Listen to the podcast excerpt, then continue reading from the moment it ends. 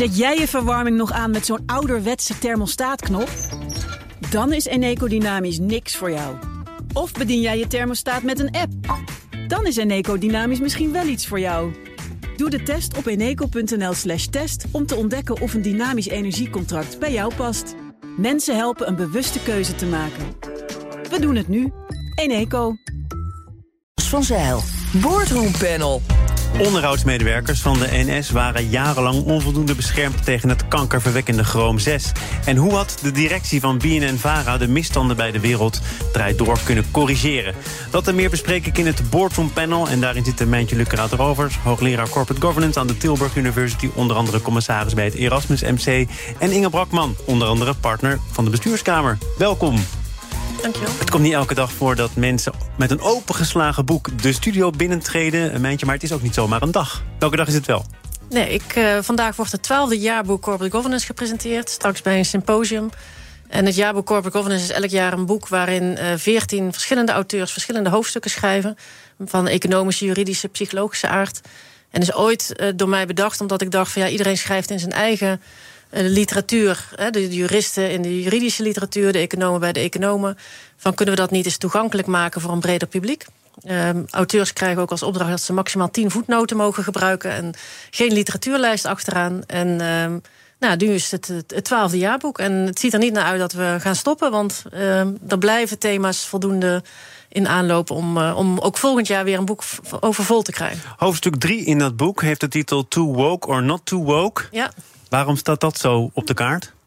Ja, dat is echt een mooi uh, hoofdstuk van Gerard van Solingen. En hij uh, heeft de conceptcode voor de nieuwe Corporate Governance Code bekeken. En hij vraagt zich eigenlijk af: van ja, de code liep eigenlijk in Nederland altijd best wel voorop. Um, en is dat nog steeds zo? Hè? Kijken we naar de toekomst? En ondanks dat hij ook wel een opmerking maakt van dat sommige onderwerpen gepolariseerd worden. Um, doet hij eigenlijk de oproep: zouden we niet eens meer durven in plaats van achter de EU-regelgeving aanlopen als het bijvoorbeeld gaat om duurzaamheid, maar zelf het initiatief nemen om daarop door te pakken? En waarom gebeurt dat nog niet dan? Waarom is er op dit moment nog sprake van een afwachtende houding?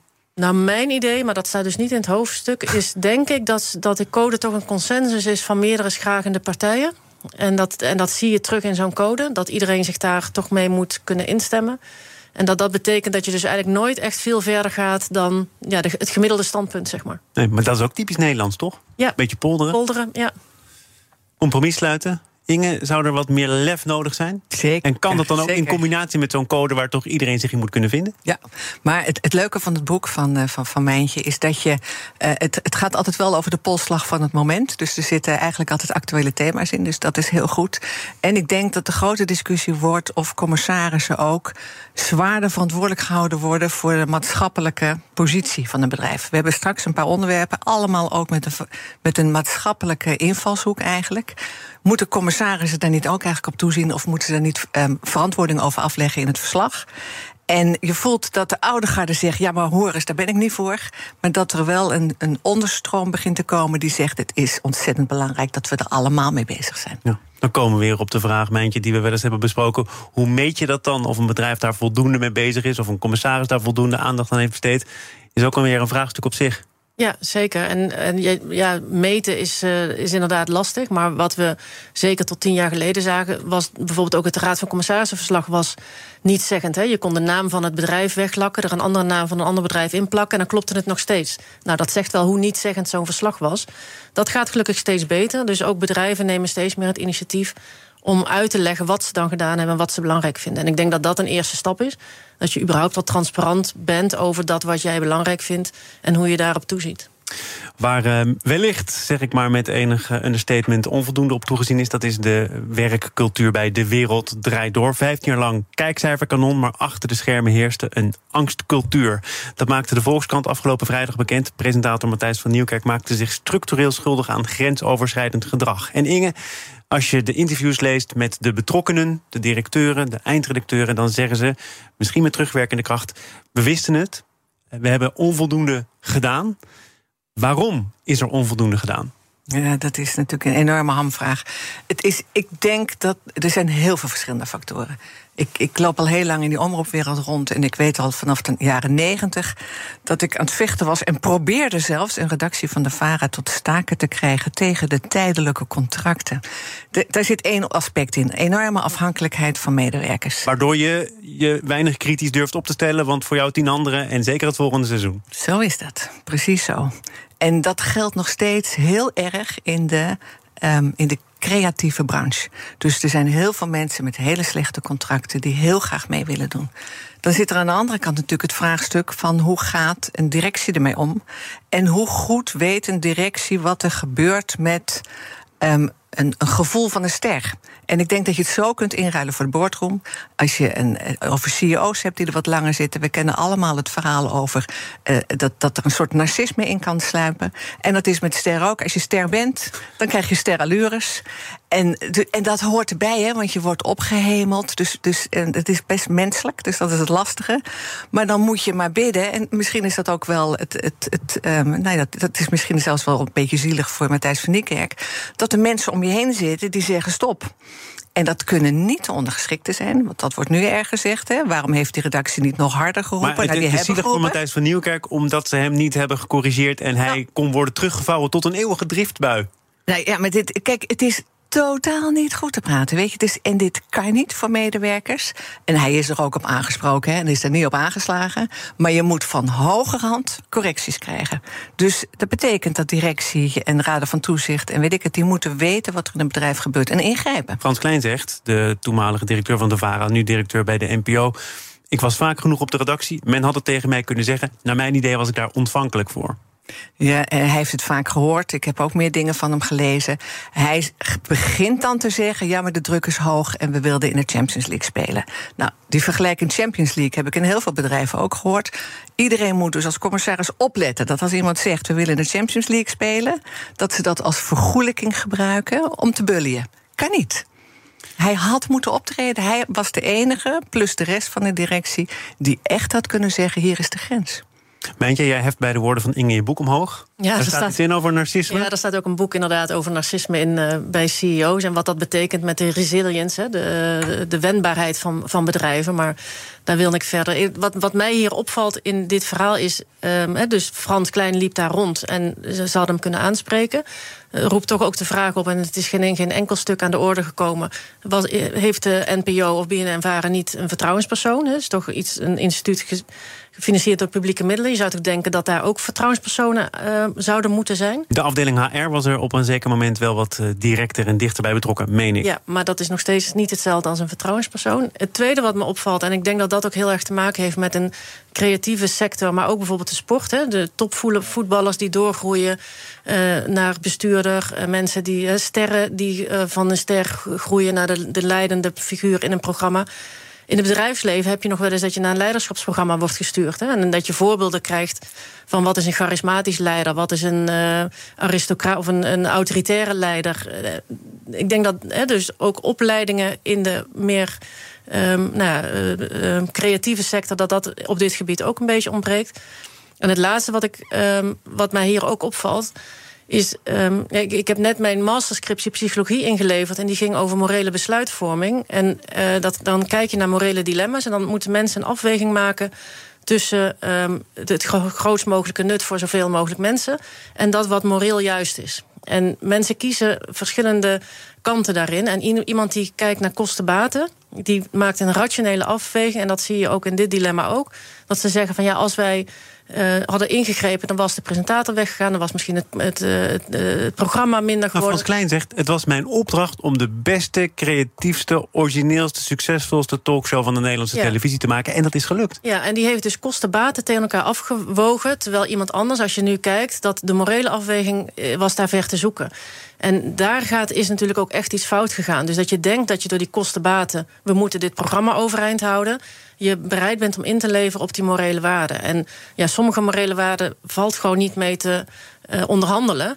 er is een ondergrens aan wat moreel acceptabel is. En ik denk dat ze hier ver door die ondergrens gezakt zijn. En dat niemand daar ooit gezegd heeft van... ja, kostenbaten, leuk...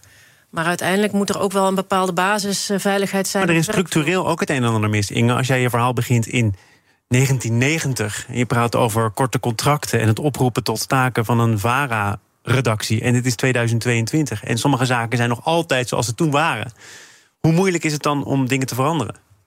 Ja, het, het, het, moet aan verschillende kanten natuurlijk veranderen. Het is dus heel hardnekkig, dat klopt. Um, wat een interessante tijdgeest is nu, is dat we op heel veel vlakken natuurlijk personeel tekort gaan krijgen. Dus de stem van het personeel wordt ook in bedrijven wordt sterker. Dus die positie wordt ook sterker. Dan wordt het in de creatieve sector misschien nog wat moeilijker, omdat er heel veel mensen zijn die eraan mee willen werken. Maar de maatschappelijke druk zal helpen om te zeggen dat die positie van medewerkers, misschien ook zeggenschap van medewerkers met een freelance contract sterker wordt. Waardoor je makkelijker door die verschillende lagen heen breekt. En je, je ziet dat het aan countervailing power ontbreekt. Dat is precies wat wij ons in de boardroom mee bezighouden. Op welke manieren heb je krachten en tegenkrachten? En mag dat ook besproken worden?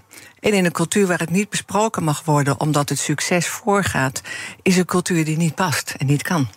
Dan is er nu de afwikkeling van deze kwestie. Uh, de NPO doet onderzoek. Toch nog even naar jou, want jij hebt uh, een belangrijke functie vervuld bij het Commissariaat voor de Media. Het Commissariaat voor de Media vindt eigenlijk dat de NPO niet de geëikte opdrachtgever is van dat onderzoek, want niet onafhankelijk genoeg.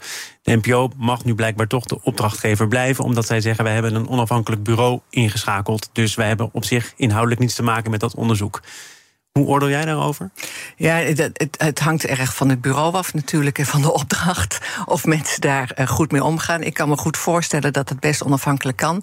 Ik denk dat het onderzoek gaat vooral, denk ik, ook over wat zijn de verschillende lagen. Wat er gebeurd is. Dat artikel van de Volkskrant is buitengewoon degelijk. Ik denk dat ze dat nog een keer over kunnen doen. Maar het gaat dan vooral over wat zijn nou de um, indicatoren die je had kunnen hebben. En wat zijn alle processen? Het gaat natuurlijk over um, um, heel veel uh, risicofactoren die je moet realiseren bij de omroep. Dat is die hoge druk, dat is een tijdsdruk, dat is terallures, dat is dat er een paar miljoen mensen kijken. En dat dag in dag uit. Dat zijn allerlei risicofactoren die ergens toe leiden. En je moet ze realiseren dat ze er zijn. En dan moet je dus ook zeggen wat de maatregelen zijn die je daarnaast zet. We gaan naar het tweede deel van dit panel. BNR Nieuwsradio. Zaken doen. Thomas van Zeil.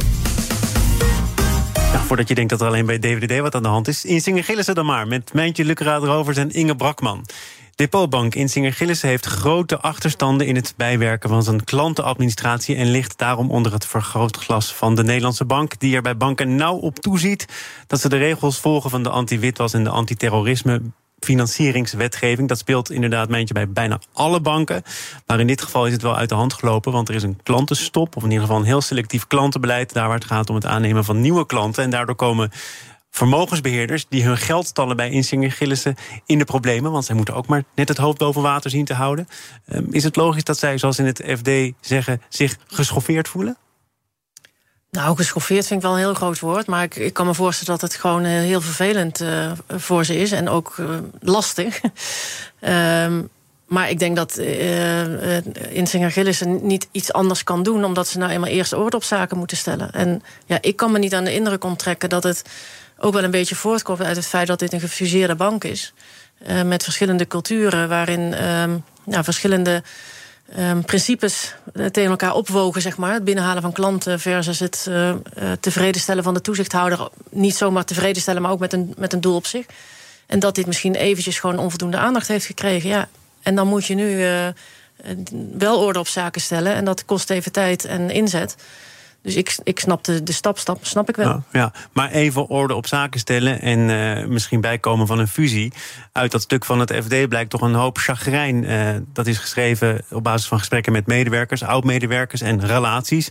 En om het te schetsen, de bank maakt onderdeel uit van een groep die eigendom is van een Qatarese investeerder, die dingen graag wil centraliseren, die bank onder een Luxemburgse vlag wil laten opereren, beleggingsbeleid wil centraliseren en die ook nog eens veel geld pompte in een mislukte private bank in Zwitserland, terwijl ze bij Insinger Gillissen denken, wij doen het hier eigenlijk best aardig, we hebben een aanzienlijk marktaandeel, we weten zelf wel hoe we kunnen beleggen. Dat klinkt Inge niet alsof het heel snel weer goed komt. Nee, en, en dit, dit, is heel, uh, dit, dit, zijn hele bekende processen bij, bij fusies. En vooral bij um, ondernemingen of banken die internationaal werken. Want dan kijk je van nou, bij ons gaat het wel goed. En de anderen moeten het maar eerder op orde hebben. Dat uh, bevordert ook niet de samenwerkende kracht natuurlijk. Dus er, is, uh, er zijn een paar dingen ongelooflijk fout gegaan. En het is behoorlijk droevig, want het is, dit is het, het KYC. KYC-programma. Ken je klant, Ken je klant. Um, en waar de, waar, de, waar de toezichthouder bovenop zit. En dat is eigenlijk iets waar, um, dat is bijna van, van de vorige tijd. Ze moeten ook nog doorschakelen naar de moderne tijd. En dan kun je helemaal niks meer met ouderwetse, uh, met legacy van vroeger. Ja, want met je, dat, dat is wat er speelt, hè? Testamenten, bedrijfsoverdrachten vanuit ver de vorige eeuw in. Ja, maar ook klanten van... Van ver de vorige eeuw in. Nee, maar ook van ver oh. weg, hè? internationaal. Ja, klopt, klopt. waar ja. ik zie daar die informatie maar eens allemaal boven tafel te krijgen. Dus ja, ze hebben een enorme achterstand. En je, en je vroeg, hè, is dit nog te herstellen? De, dat is denk ik ook echt wel de vraag. Hè. Zou het niet op moeten gaan in een andere, grotere entiteit? Want dit gaat gewoon ook heel veel menskracht, investeringen vragen om die systemen op orde te krijgen. En dan ben je misschien al de helft van je getalenteerde personeel kwijt, van je medewerkers. Want ja, die kunnen heus wel ergens anders terecht hier in Nederland. En ook al een deel van die klanten die nu mopperen. Tenzij de conclusie zou moeten zijn, want iedere financiële instelling worstelt hiermee. Dat op orde brengen van die dossiers, dat moet toch ook op een andere manier kunnen. Want die grote banken, grote instellingen kunnen het misschien nog net dragen. Maar die maken zich ook zorgen over hun winstgevendheid. En als je dan maar net een tandje kleiner bent, dan kom je echt in, in bestaanscrisis terecht. Dat kan toch niet de bedoeling zijn van uh, die antiterrorisme- en witwasfinancieringswet? Nee, en daar heb ik ook echt wel begrip voor. Ik zie ook echt wel gewoon hoe, hoeveel werk het kost, hoeveel mensen er worden aangenomen om dit op orde te krijgen. Met inderdaad een last op financiële instellingen waarvan je je afvraagt: moeten zij dit dragen? Dat, dat zie ik ook echt wel. En, en, en dat is misschien een extra reden om: kan zo'n kleinere bank, kan die dat wel alleen? En zou dan niet een ander systeem moeten komen? Maar wat dan dat andere systeem zou zijn, daar heb ik ook het antwoord niet op. Nou, er zijn wel rechtszaken over gevoerd inmiddels. Ik geloof dat Bunk, die kleine fintech, klein in verhouding tot die grote banken, daar een zaak van heeft gemaakt bij de Nederlandse bank en voor een belangrijk deel heeft gewonnen. Wij kunnen het anders. Wij kunnen het op basis van kunstmatige intelligentie. Uh, laat je eigen rigide opsporingsmethode maar los, de Nederlandse bank. Uh, Inge, en ik begrijp dat uh, Bunk van vele kanten op sympathie kon rekenen. Nou, ik denk dat sowieso in de bankenwereld grote zorgen zijn over de enorme kosten die hiermee um, gemoeid zijn. Dus het, zo langzamerhand zijn meer mensen met die compliance bezig dan met de commerciële kant van de bank en, en, en met, met de klanten bedienen. Um, en uh, je ziet wel dat de, de, andere banken, dus als je kijkt dat bijvoorbeeld Molly en Adyen, die hebben een bankvergunning, maar dat is allemaal nog business to business. Zouden misschien ook wel in de consumermarkt willen komen. Die hebben hun systemen op een hele andere manier ingericht. En die gebruiken artificial intelligence. En die gaan er naartoe dat je real-time met je bank kunt communiceren en gelijk zaken kunt doen. In plaats van dat je drie maanden moet wachten totdat je een bankrekeningnummer krijgt. Of zes maanden. Of bij um, uh, Insinger Gielissen voorlopig een stop krijgt. Ja. Dus er zit een enorme spanning op wat er eigenlijk al kan. Um, in, in techniek en met behulp van artificial intelligence. En hoe de banken georganiseerd zijn en het doen. Dus wat je gaat zien de komende vijf jaar, denk ik, is een enorme cultuurclash daartussen. Want die banken die blijven maar nog met oude systemen zitten. Die, die, die, die komen gewoon vanzelf naar boven. Er zit nog legacy in. En de moderne waar ook Bunk dat gedaan heeft eigenlijk, die heeft het op een andere manier opgezet. En die kan veel lichter opereren. En uh, die, die gaan er straks, als ze een, echte bankvergunning krijgen, gaan ze met het betalingsverkeer vandoor. We gaan naar uh, andere erfenissen uit het verleden. Tot slot nog even kort. De onderhoudsmedewerkers van de NS zijn tussen 1970, het ging net over 1990, maar we kunnen verder terug, en 2020 onvoldoende beschermd tegen kankerverwekkende stoffen chroom 6. Blijkt uit onderzoek van het RIVM. En die stof zat in verf die in werkplaatsen werd gebruikt om treinen op te knappen. En meint je dat dat zo was? Dat wist men eigenlijk met een beetje uitzoekwerk ook al in de jaren 70. Schadelijk voor de gezondheid zijn ook meerdere voorbeelden van bekend geworden in de loop der tijd. Hoe heeft het dan toch nog zo lang kunnen duren?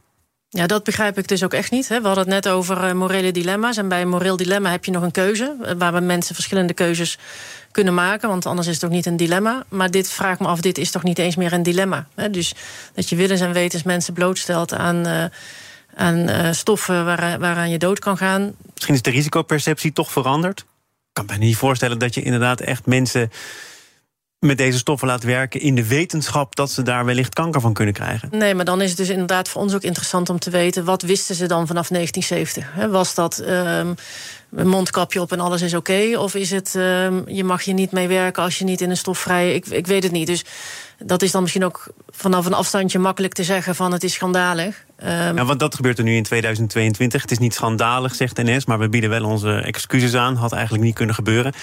Kun je nog heel veel andere dingen zeggen dan dat? Of is dit misschien zelfs al te makkelijk?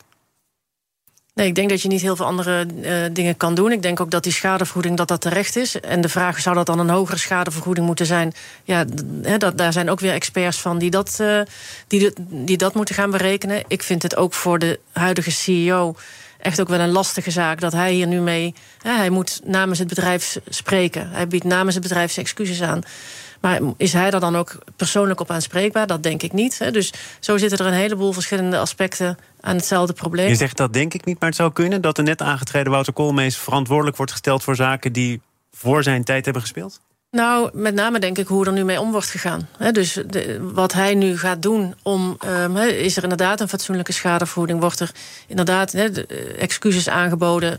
Nou, dat, dat, dat vinden mensen vaak prettig, maar heeft natuurlijk niet per se meteen ook een gevolg voor het leed wat zij geleden hebben. Um, dat is denk ik wel belangrijk. Ja, het is wel belangrijk, maar dan moet je wel weten wie daarvoor in aanmerking komt, wie waar gewerkt heeft. En ik geloof dat de administratie van de NS niet zo ver terug gaat, Inge.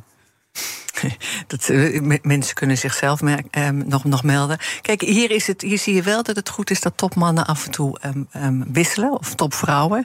Want als je nieuw bent, dan kun je namelijk veel makkelijker ook excuses maken voor datgene wat de voorganger gedaan heeft. Dus het is een best een goed begin. Dan zou mijn advies verder aan hem zijn: ga met een enorme spot door je hele bedrijf en vraag iedereen helemaal uit over alle zaken waarvan je denkt: moet ik dat weten? Want in het begin kun je nog zeggen: ik ben voor de oplossing. En op een gegeven moment word je er zelf verantwoordelijk voor. Ik denk wat moeilijker is in deze zaak, is dat wij um, heel veel mensen werken met, met, met kwalijke stoffen. Dus kijk naar Tata. En we hebben een bepaalde wetgeving waarin normen gesteld worden die niemand overschrijden, want dan wordt het een gevaar voor de volksgezondheid. Maar daar wordt natuurlijk mee gesjoemeld. Of daar wordt net op het randje gezeten. We hebben zomers krijgen we vijf soorten gif op onze aardbeien. Omdat dat een laagje is ter bescherming. Omdat ze alle vijf bij elkaar net niet zo ernstig zijn dat we er schade van krijgen.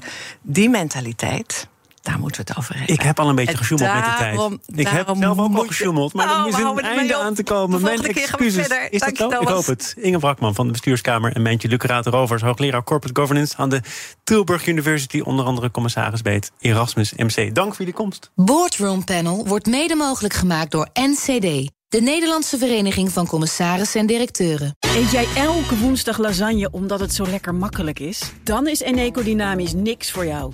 Maar kook jij het liefst elke keer wat anders met het risico dat ze zeggen... Ja dag, dat gaan we echt niet eten. Dan is Eneco Dynamisch misschien wel iets voor jou. Doe de test op eneco.nl slash test om te ontdekken of een dynamisch energiecontract bij jou past. Mensen helpen een bewuste keuze te maken. We doen het nu. Eneco.